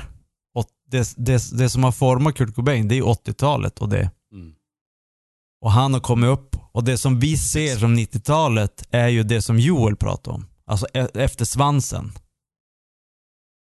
Så det ja, du jag, med... jag säger inte att det liksom går igenom en, en konduit på det sättet, utan mer att det finns en hel rörelse som rör sig i samhället som var ganska dramatisk där i början av 90-talet från ett till ett annat. men- som Mm. hela tiden pågår. Jo, men Och exakt. utifrån vilken rörelse det är så är det vissa eh, fyrbråk, som, eller vad heter det, som sticker upp. Liksom, Ja. Som, som då skapar... Alltså, som symboliserar den tiden på något vis. men om du har... Eh, tänk så här, att om vi förenklar liksom 80-talet, säg att det är en, en sån här ström, en rak ström som går.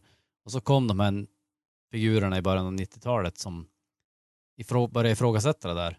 Och skapar ju de en spridning i den här raka strömmen. Alltså, det har gjorts i alla tider såklart, så det kom ju, det kom sådana här och så bildas det ännu fler sådana här.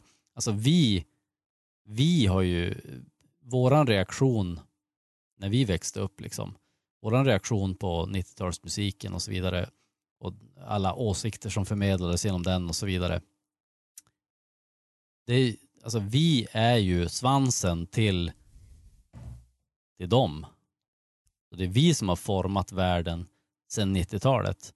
Och sen har det kommit folk på 2000-talet som har format världen utifrån våran grej liksom. Alltså som har börjat, ska man säga, ja. Vi har våran strömning som vi, som vi eh, kanske fortfarande är fast i på, på vissa plan.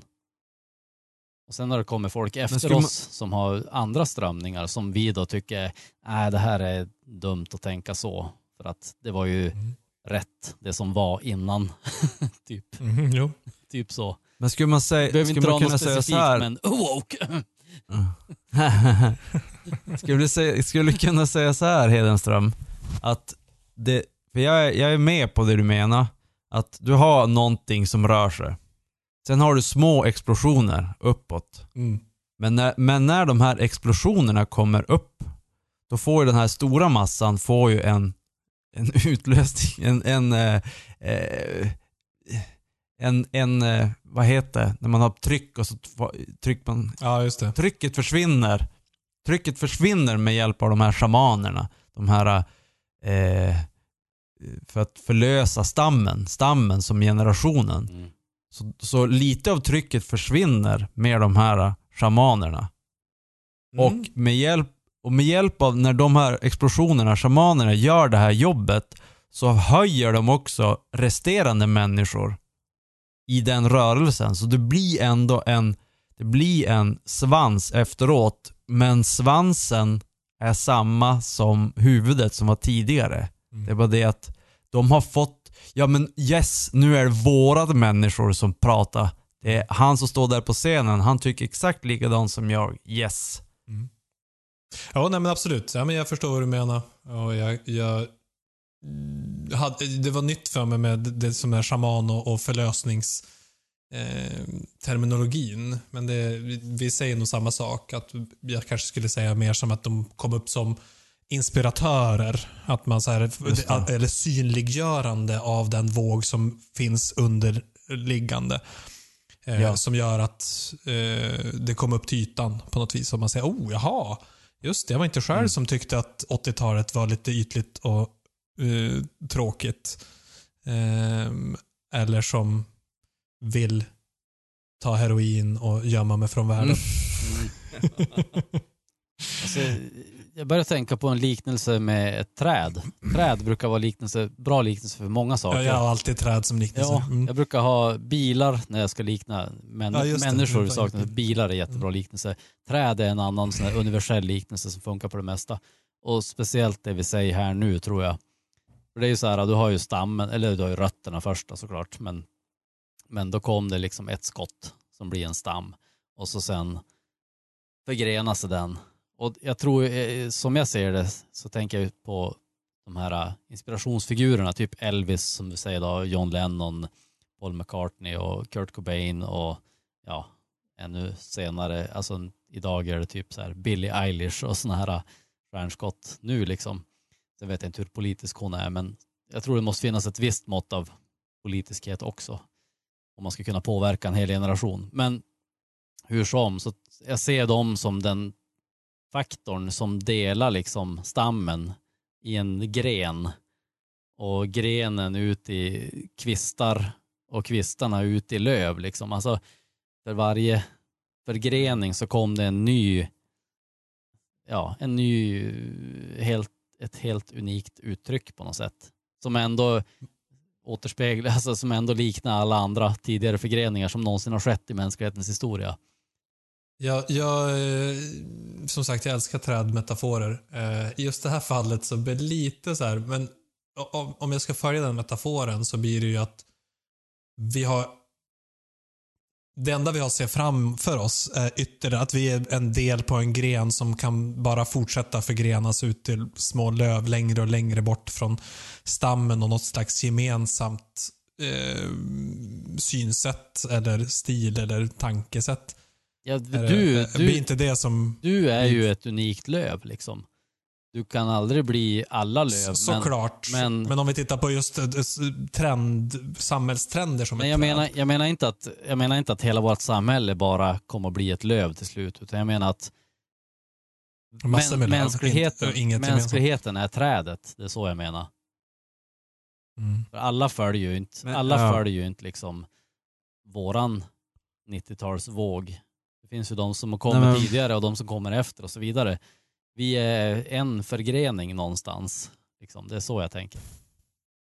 Och den, och den generationen, vå- våran, kommer dö ut och då är, då är slutet på, på pinnen då. Eller vad heter det? På grenen. Ja, eller alltså, ja precis. Det lövar väl av varje, varje Varför? år också För att- förstås. Men, Jo, men jo naturligtvis. Men, men om man tar grenen som, okej den här grenen är 90-talsgrenen. Det här är 80-talsgrenen. Alltså Ja. det, den generationen dör ju ut någon gång. jo, alltså det kommer ju de här det kommer ju nya toppskott. Alltså det skjuter exakt. ju nya Men- toppskott. men och det är själva de som, den nya generationen som föds. Och sen kom det nya ja. ikoner i den generationen som gör att det delar sig och blir nya grenar. Så folk väljer den ena eller, eller den andra sidan liksom. Ja, exakt. För själva trädet är, det är själva Homo sapiens. Ja, exakt. Det är mänskligheten. Ja. Och då 90-talet, och så sen går det, sen växer trädet och så kom det ut en gren ovanför 90-talet. Det är nästa generation. Är det så du tänker? Ja, typ så. Så varje, varje 10 centimeter är en generation på ett träd egentligen.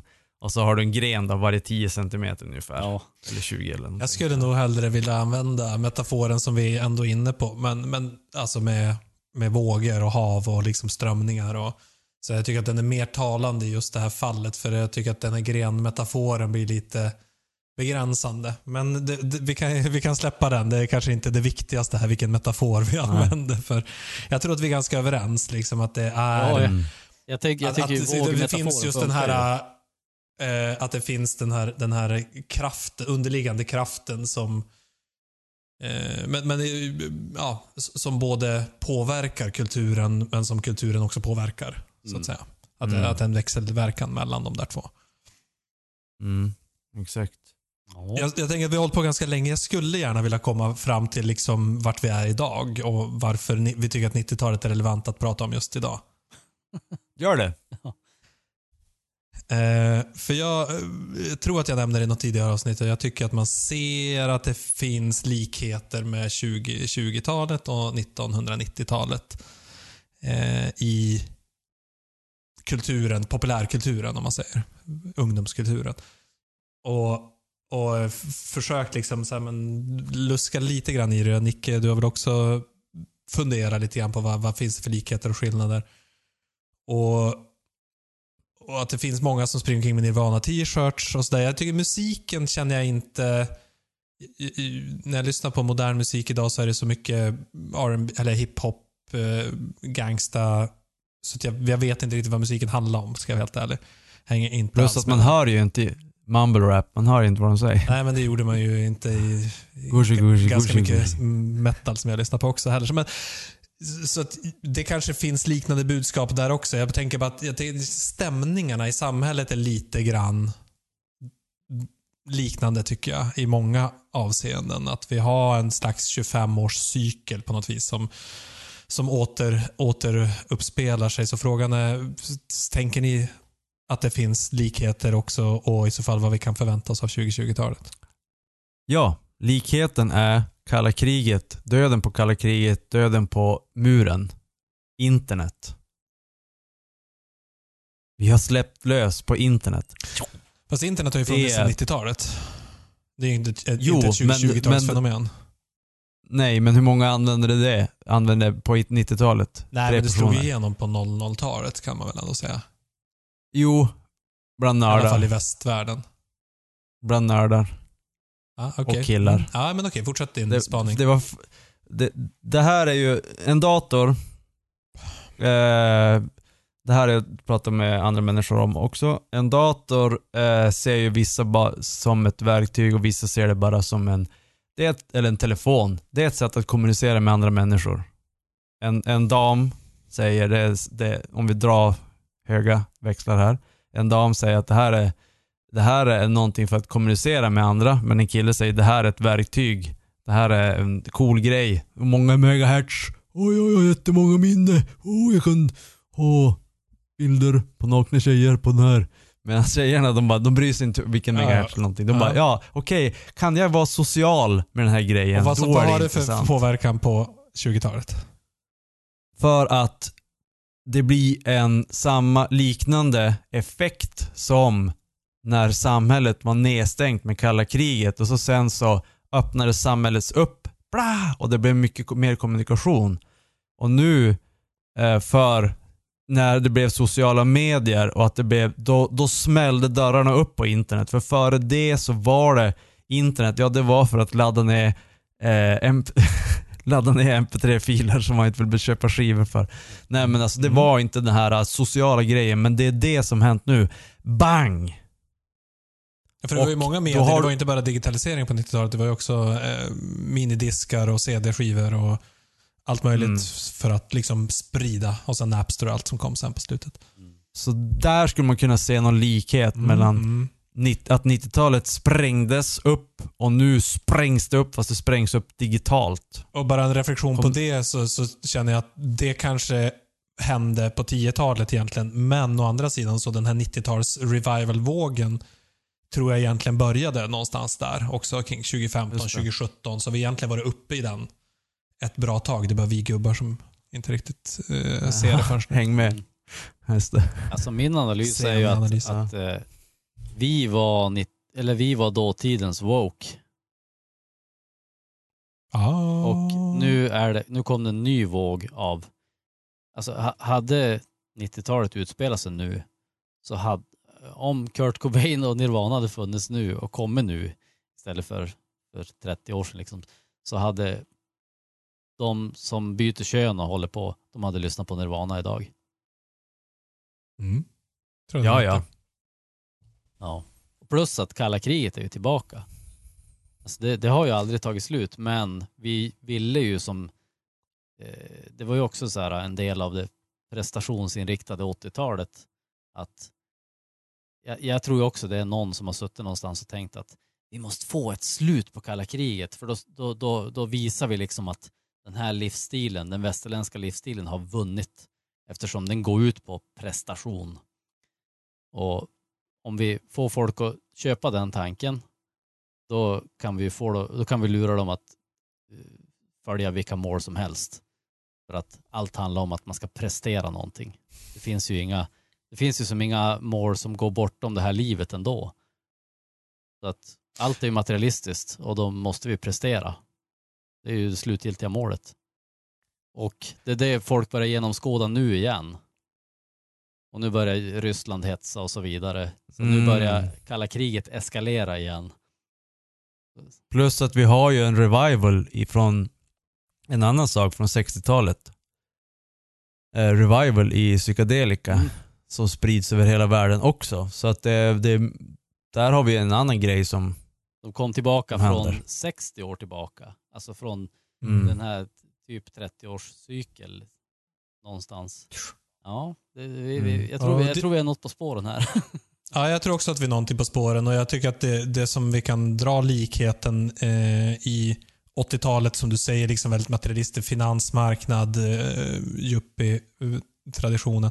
Och sen så likheten på, på 00-10-talet med tech-boomen och liksom med tech-entreprenören. Det, det är Mark Zuckerberg, Elon Musk och de andra som är hjältarna och liksom de self-made men som eh, är liksom idolerna och som är materialister egentligen.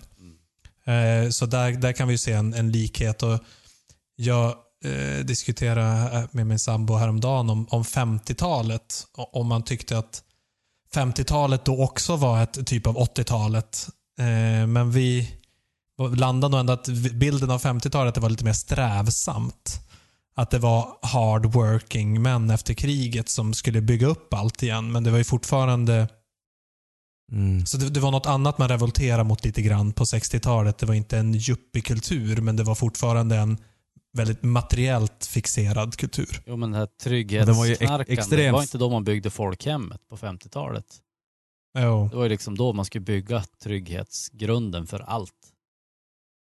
Och det var ju extremt strikt också, 50-talet. Alltså då hade man ju, om, man, om vi tar USA, då hade man ju, alla hade kostym. Mm.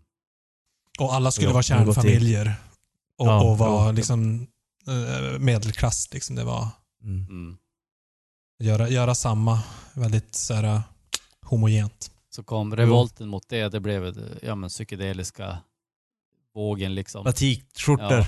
Ja. Så sen, sen, Counterculture. sen vann ändå, efter det så vann ju ändå den här folkhemsvågen, Samhället. alltså den här, den här trygghetsbyggande vågen. Ja, fast det vart- vart ju något annat på 70-talet än vad det var på 50-talet. Men Jo. det var ju fortfarande hårda tag och Margaret Thatcher och Ronald Reagan sen senare. Liksom Mm. Den här äh, kriget på knarket och... Precis, men vad det Mm. intressanta med kri- kriget eh, med knarket och det här.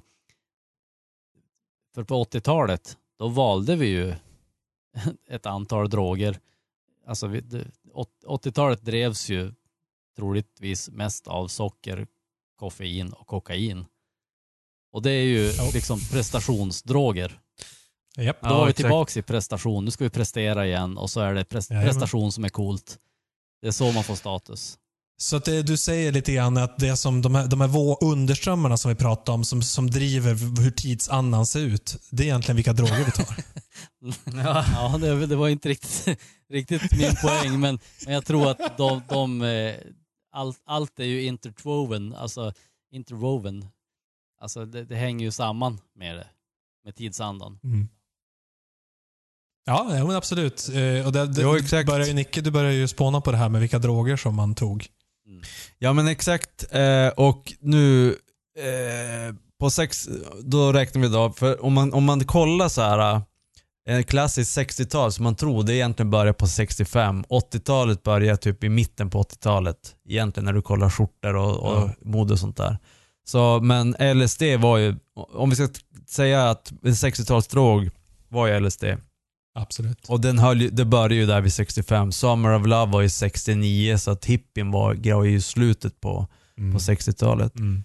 Och eh, nu, det hade ju någon disco på 75, eller vad säger jag, på 70-talet så var det ju disco. Eh, och, men jag tror inte de hade, höll på med MDMA och sånt då. Eh. Så att jag tror att de, det var där det började svänga, LSD, och så sen ska vi dansa disco hela dagarna. Ja, men de måste ta bara kokain. Så att jag tror att 70-talet så var LSD som svängde över till kokain. Och på 80-talet så var ju LSD helt borta. Det var bara kokain. Mm. Eh, och sen på 90-talet så svängde det in mer på, på heroin. Ja, i och för sig med rockstjärnorna. Ja. Ja. Och då är ju det det här att jag skiter i allt. Jag kör heroin. Heroin Det är är, ju, då är, då är att Ja, då kopplar man bort från världen. heroin, bara, vill man, man vill inte känna något i den här världen liksom. exakt. Men jag tänker, Yes. marijuana var inte både liksom 60-70-talen och 90-talet.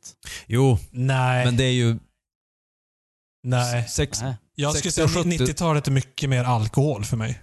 Jo, för dig. nu pratar jag inte om Nej, för men dig. för, för, i, min, I min världsbild av vad som var påverkan, eller vad, vad, vad som var populärt. För alkohol har alltid funnits som en underström också.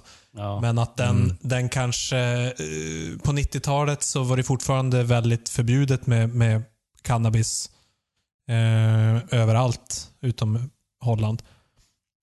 Eh, Jag skulle säga alla- så här, att har det ju där rökt kan man- på så i att jag- USA i alla tider, men, men vad har varit liksom i... mm, i fast jag tror, var, var det någon tydlig ökning på 90-talet på det? det nej, men tror jag. jag I slutet tror ju på att 90 alla som tog heroin rökte ju på och många fler rökte ju på än vad som tog heroin också. mm. Alltså det har alltid jag funnits med i skulle- amerikansk kultur, men För, för det som jag vill komma fram till att jag tycker att det känns som att eh, röka på har kommit nu. Det är 10-talet. 2010-talet är cannabisens år. jo, det har ju, det har ju vuxit Ka- mer och mer, det har det ju. cannabis, jag har helt, det här har jag, Färsk data. det här är här- facit. Det här kan du, om du följer skate och snowboard-videos. När det var skatepunk, då var det inne med alkohol, det var början. Sen i slutet så började de köra lite hiphop och lugn musik. Det var då cannabisen kom och lyfte upp. För att när du, om, när du röker cannabis så den här snabba eh, musiken, punkmusiken, den är ju inte kopplad, den är ju kopplad till alkohol så du blir som är mer aggressiv. Mm. Och cannabis är lite lugnare. Så det, man, om, om man följer skatepunk, nej vad heter det, skatevideos, då ser Jag du vilka droger som är, man Det ska är ta. intressant att du tar det Eh. exemplet, för jag, tänk, jag tänkte faktiskt på skatepunk här tidigare idag. Och det börjar ju någon gång på 80-talet. Så där, skatepunk är ju ett barn Mm. som verkligen har gått igenom den här transitionen. Och där ser man ju också Jo. då, som säger, skatepunken var ju hetsig och hård och svettig liksom. Den var ju obrydd som punk är. Den följde ju inte liksom pudelfrillernas eh, mode. Men, men det, som säger, den drevs av alkohol och lite så här hetsiga, man Mm. kom igång lite grann. Och så, det formar ju liksom även snowboardkulturen då i början av 90-talet. Och Mm. där som jag var en liten del av. Och man såg ju, ja men alla skulle ju såklart supa och så vidare. Som, som vi gjorde i den åldern då. Mm. Utom jag som var lite sen. Men, men eh, som du säger, de, de kanske hade en liten längre eh, övergång på något sätt. Eftersom de var Mm. rotade i 80-talet i den här prestationen. Och så, hej nu kolla, jag hoppar längre än dig och jag kan snurra fler varv än dig. Och så sen någonstans i slutet av 90-talet så blev det mer bara, kolla vilka långa coola hopp jag kan göra. Vad bra det ser ut i slow motion. Nu har vi rökt på. Exakt. Ja, så att jag tror att precis, slutet av 90-talet och också då Mm. börja, som Nick är inne på, rappen och liksom lite mer Ja. Eh, den chilliga musiken börjar slå igenom Ja. eller påverka. Och så börjar man Snoop, gibba. Snoop Dogg och allt. Och det, Snowboard. ja, det. är för att man har rökt på, man hänger inte med riktigt. Så man bara uh, ramlar Mm. fram i backen. Så du ser. Nej, det, det, det, det som jag... Ja, Snoop Dogg och dem, det är ju som, alltså, det, det är inte ens hemligt vad, Nej. vilka droger de musiken gillar. Och det var ju där i slutet på 90 tror jag som, Precis. som det blev riktigt stort. Precis, så när vi pratar 90-talet som vi pratar om, alltså grunge och, och depp och, och döds, då pratar vi första halvan av 90-talet egentligen. Mm. För sen så blev, gick det över till något annat och så fick det en liten revival i början av 00-talet. Men Ja, när kom Dookie? 95? ja, 94 tror jag. 94? Ja, så att Då Eh, hade ju fram redan till- börjat liksom bli något annat. Mm. Ja, fram till kanske 97, 98, 98, 97 kanske. Där någonstans började det droppa av ganska hårt. Och började Ja. bli mycket mer hiphop. Mycket mer precis, hiphop och mainstream. Ja. radiorock, liksom Foo Fighters. Sådär. Ehm, men det som jag... det- En generationsspaning till som på det här. Jag, som... Hör ni mig? Ja. Bra. ja. Är det eko förresten? Nej. vad Nej. bra. Eh, fick slut batteri i högtalarna. Ehm, att det som jag ville komma åt lite grann med 90-talet, jag tycker att det skilde sig lite grann från ehm, tidigare generationer. Ehm, och, och de revolutionerna vi pratat om, liksom att det är ungdomsrevolter var 25 eller 30 år, 60, 90, 2020, slutet av 10-talet kanske. Det här missnöjet mot det, det etablissemanget. Och att 90-talet skilde ut sig från de andra, eller från 60-talet i alla fall, för att den liksom eh, inte hade den här drivkraften om att förändra egentligen, utan bara att ignorera eller skita i. Och där tycker jag att liksom, jag både kanske hoppas mer, mer än vad jag ser, men jag tänker att jag ser det också. Att det som kommer från ungdomstraditionen idag, eller kulturen idag, är mer lik 60-talet. Dels har vi mer eh, Mm. psykedelika, mer i ropet. Eh, mer fritänkande, mer cannabis, eh, om man ska prata om att drogerna som påverkar oss. Eh, Ja, det blir ju lagligt lite överallt Ja, exakt. nu. Det har ju verkligen fått ett uppsving Ja. i, i, på, i många ställen i världen. Och, och att det uppmuntrar till ett mer, ehm, istället för att skita i allt, eh, vågen så är det mer en eh, låt oss förändra saker till att vara snällare. Mm. Så lite mer 60-talskänsla på det hela. Men, men jag Mm. vet inte. Det kanske Mm. är mer 90-tal för vi har också en, en heroinvåg med Oxycontin och, och alla de här varianterna som kommer. Ja, jag, har alltid sett, jag har alltid sett Ja, 90 exakt. 90-talet som lite så här uh, one-off på något sätt i det här revolt motreaktion. Just för att 80-talet var så extremt i det här uh, konsumtionshets. Alltså idag är det ju värre än någonsin, men det är inte samma man gör inte reklam för det på samma sätt. Idag är det ju idag är det ju status att vara hållbar och grön och så vidare. Japp. Och därför vill man inte skryta med att man är en superkonsument. Men vi är ju, vi konsumerar ju tio gånger mer idag än vad vi gjorde på 80-talet. Gemene man liksom. Och därför menar jag att reaktionen på 90-talet blev så stark. För att vi skröt med att vi var storkonsumenter på 80-talet. Och det har vi inte gjort sedan dess Mm. på samma sätt. Och därför, därför Och blir det liksom, också tänka, Alltså tidsandan på 90-talet blev ju att det viktigaste av allt är att vara emot och skita i allt som, som de säger åt dig eller som, som vi har Mm. blivit itutade att vi ska göra. Men i, vad Mm. man egentligen kanske ville göra var ju något mer likt 60-talet, tror jag. Det blev Ja. bara så, så liksom att vi måste motreagera starkt mot det som har varit. Och då blir det just det här ja. att, vadå? Ja, du har en skinnjacka, tror du jag bryr mig? Du kör limousin, tror du jag bryr mig? Jo, exakt. Eh, men det, det jag tänkte med konsumtionen, man måste tänka på också att vi har ju le- alltså 80-talet har ju varit. Grejen var att när 80-talet var så hade ju inte 80-talet varit. Nej. Det var ju därför det var också så pass stor skillnad. Alltså att, att konsumtionen blev, blev så, som du säger, en eh, mittpunkt av 80-talet. Det var just för att före det så var, hade inte 80-talet funnits, så nu har ju 80-talet funnits och den konsumtionen, okej då har den blivit standardiserad och sen kan vi bara öka den utan att det är någonting Mm. konstigt utan det bara är Och det är ju på är grund det. av 90-talsvågen, tror jag, som, som konsumtionen kunde gå under radarn. Eftersom det var ingen som brydde sig. Det var viktigare att inte bry sig än att liksom Mm, göra en motreaktion på något sätt. Så det var därför den kunde överleva menar du? Ja, alltså att den kunde faktiskt fortsätta ganska obehindrat, Mm. Ja, men det tror jag också. tror jag.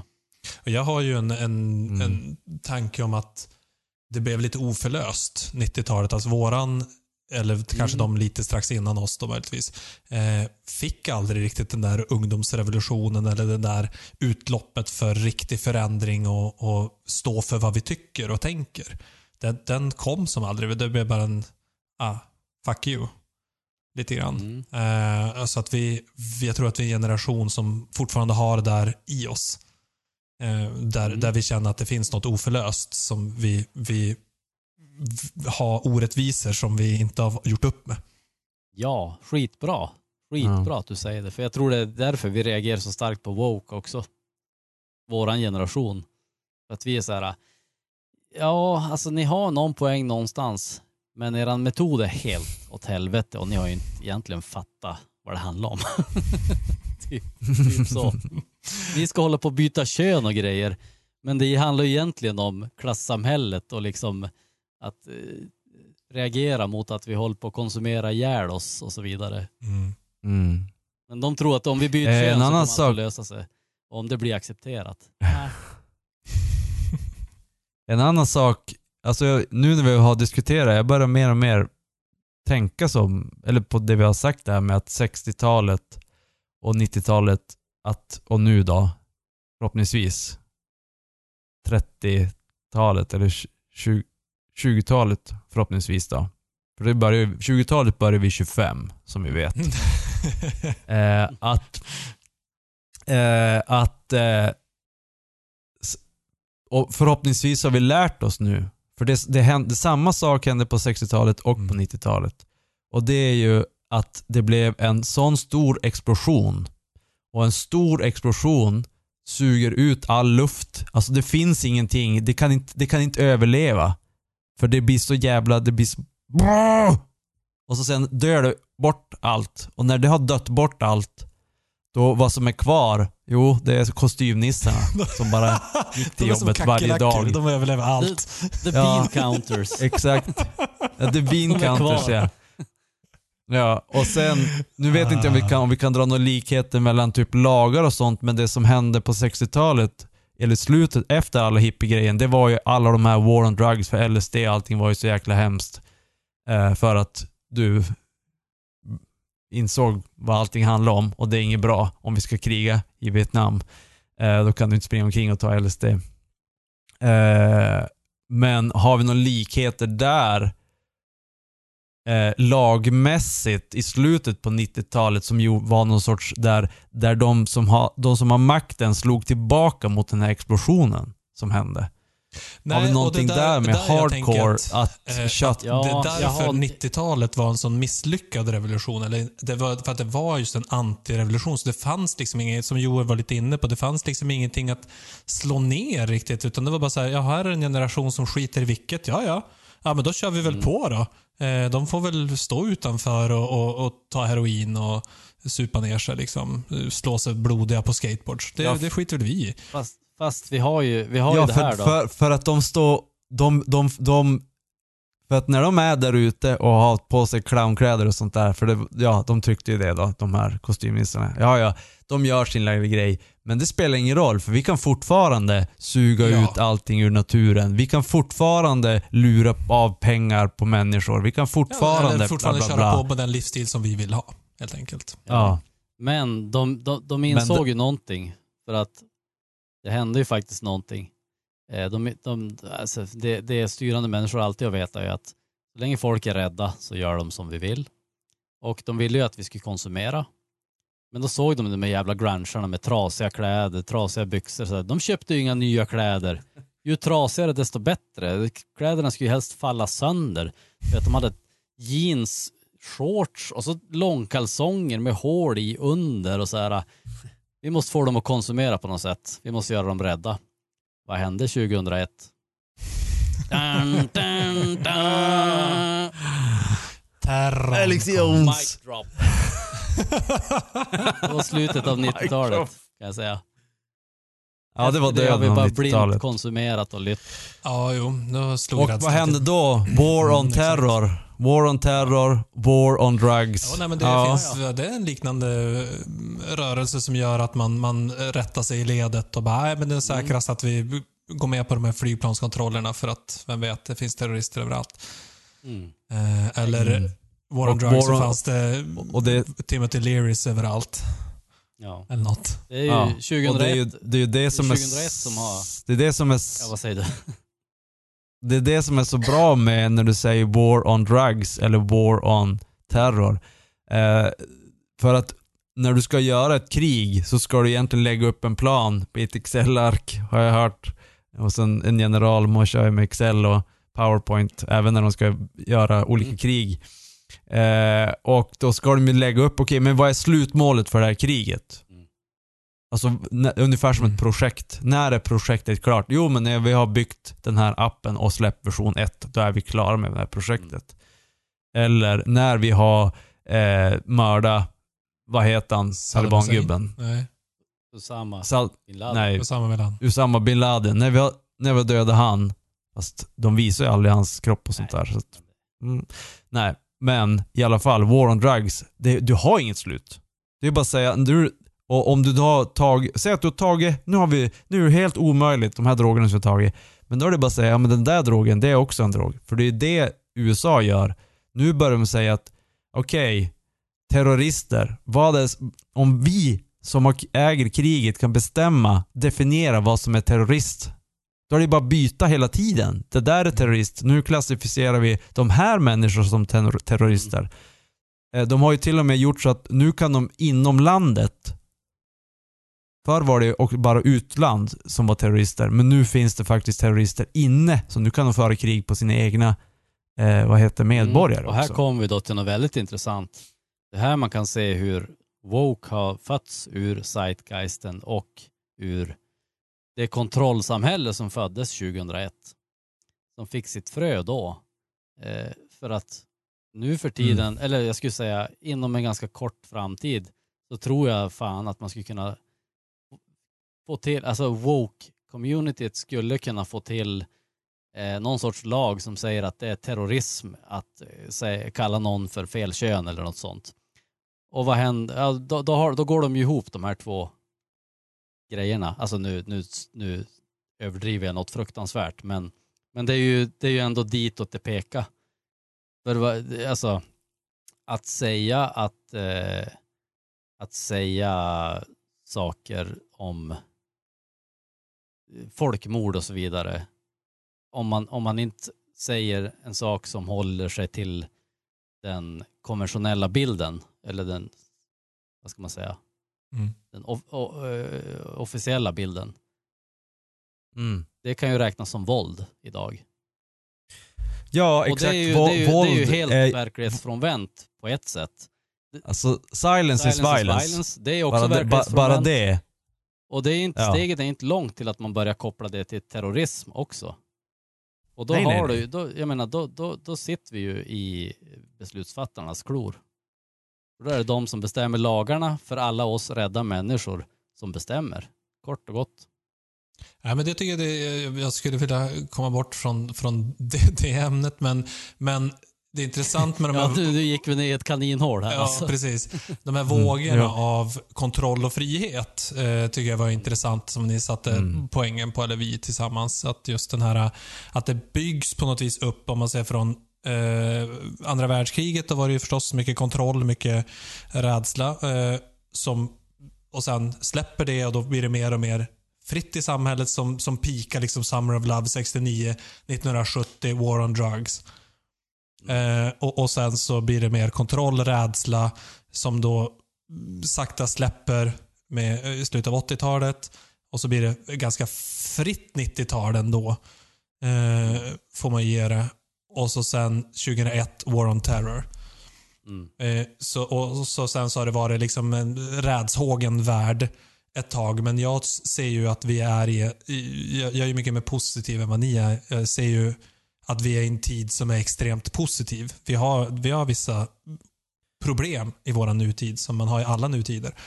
Men att vi, vi har gått ifrån den där terrorrädslan i ganska stor eh, utsträckning. Det har blivit mycket friare, som sagt, med, med olika initiativ, eh, fritänkande. Det, har varit, det är mycket mer eh, diversifierat i, i allmän debatten.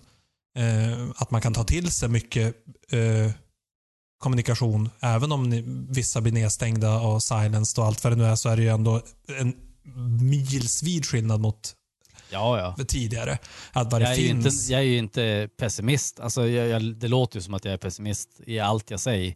Men min grundkänsla är också optimistisk. Alltså, Mm. jag, jag tror att vi har liksom hur mycket möjligheter som helst också att fortsätta den positiva utvecklingen på väldigt många plan. Men jag, jag, jag ser ju också att det behövs någonting mer än det vi bygger allting på idag. Absolut. Jo, men, och det tror jag att vi all, Ja. det tror jag att det är många som säger. Och min eh, spaning för framtiden, eh, om jag får avsluta på en positiv eh, ton, eh, för vi har hållit på, hållit på ganska länge. Sen så får ni förstås eh, överrösta mig. Men det är väl det sista jag tänkte säga. Det är i alla fall att jag, jag, jag ser det positivt. Dels så tror jag att vi är i en tid av förändring. Eh, vi är nog mitt i den om man ska titta tillbaka om 20 år. Eh, men vi kanske inte riktigt ser det än. Eh, men den, den har potential att komma väldigt, väldigt starkt. Just för att det finns där oförlösta i oss generation Xare som fortfarande känner att vi har, vi, vi har inte förändrat världen. Vi har inte gjort våran mark on the world. Eh, och, så att, och Samtidigt som då millennials kommer med sin ungdomliga kraft och känner samma sak. Det här, det här håller inte med ekologin och med ekonomin och med alla vad det, saker det är. Så att, och vi som är generation X, vi sitter ju i maktposition. Nu. Så vi, vi, det är inte bara en ungdomsgeneration som försöker slåss lite hjälplöst mot, mot en övermakt. Utan vi är ju makten. Det är vi som sitter på all makt. Eh, och vi håller egentligen med eh, millennials i ganska mycket. Det är ju kanske som sagt den här woke-frågan kanske är en del där vi inte riktigt ser samma, på samma sätt. Men i, i, i det stora hela så ser vi att det här, det här är vi har ett system här som inte håller. Eh, och vi måste göra, det måste bli skillnad. Och jag är hoppfull att det kan bli skillnad när vi är två generationer som drar åt samma håll. Ja, och du säger ju någonting intressant här som vi inte ens har berört. Men det är ju faktiskt så att vi, våran generation, är föräldrar till woke-generationen. Det har vi inte ens berört. Så att de, det de gör det är att de bygger vidare på det som de har lärt sig av oss från barndomen. Men de vill ju göra revolt mot oss också. Och då blev det woke. Fast jag tycker inte att, alltså millenn- vi är ju inte föräldrar till millennials, vi är föräldrar till generation Z. Så det, det är ju en generation som Ja. kommer ytterligare efter det. Alltså, Skulle med jag säga. vi, det måste kanske definiera vi. Vi är ju födda på 70-talet. Ja, precis. Eh, och vi och det börjar är inte så många barn som vi har som är födda på 90-talet. Nej, kanske. men vi, vi börjar ju få barn i början av 2000-talet. Precis, och det är ju Och generation vilka- Z. Ja, men det är väl de som är mest woke av alla. Jo, det, så är det väl. För Men jag pratar inte om woke så mycket, utan jag pratar mer om den här, eh, de som faktiskt förändrar, eh, som jag tror är 20 plus. 25 plus. Mm. Men ja, det kanske är för sent redan. Det kanske, vi kanske hade våran chans och det flög oss förbi och nu kommer något helt annat som vi som vill störta oss. Det är det enda de vill. Ja. Vi får se. Eh, Jag har, en, jag har en positiv grej också inför framtiden. Ehm, och eh, jag läste en bok om medeltiden, Powers and Thrones. Kan jag starkt rekommendera om man, om man är historieintresserad. Och det är en sån här bok som är skriven så även om du inte är historieintresserad men vill, lära dig mer om hur människor är så är den väldigt bra. Eh, och där så har du ju en eh, pandemi. Och vi har ju, ja vi är ju ute ur pandemin, eller är vi Ja, det det nu? Får se. Hoppningsvis. Ja, vi får väl se. Ja, förhoppningsvis. Men i alla fall, det, som, det, det påminner ju väldigt mycket, det, de, det som hände då, eh, eh, eh, det, det som har hänt nu.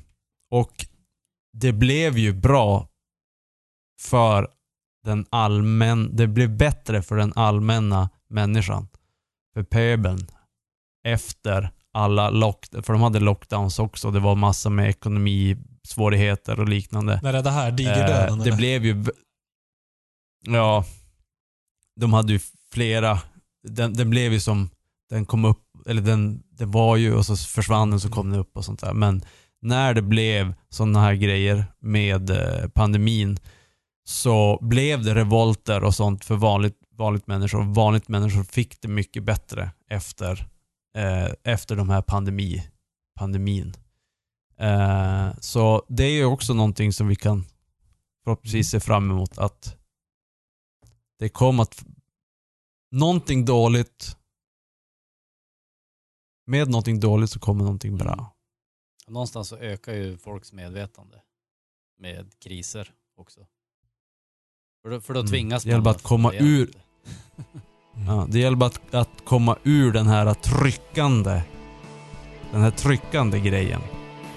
Bara släppa där på den lite grann så att folk kan andas och så bara Lyssna på lite grunge. I allt en stund.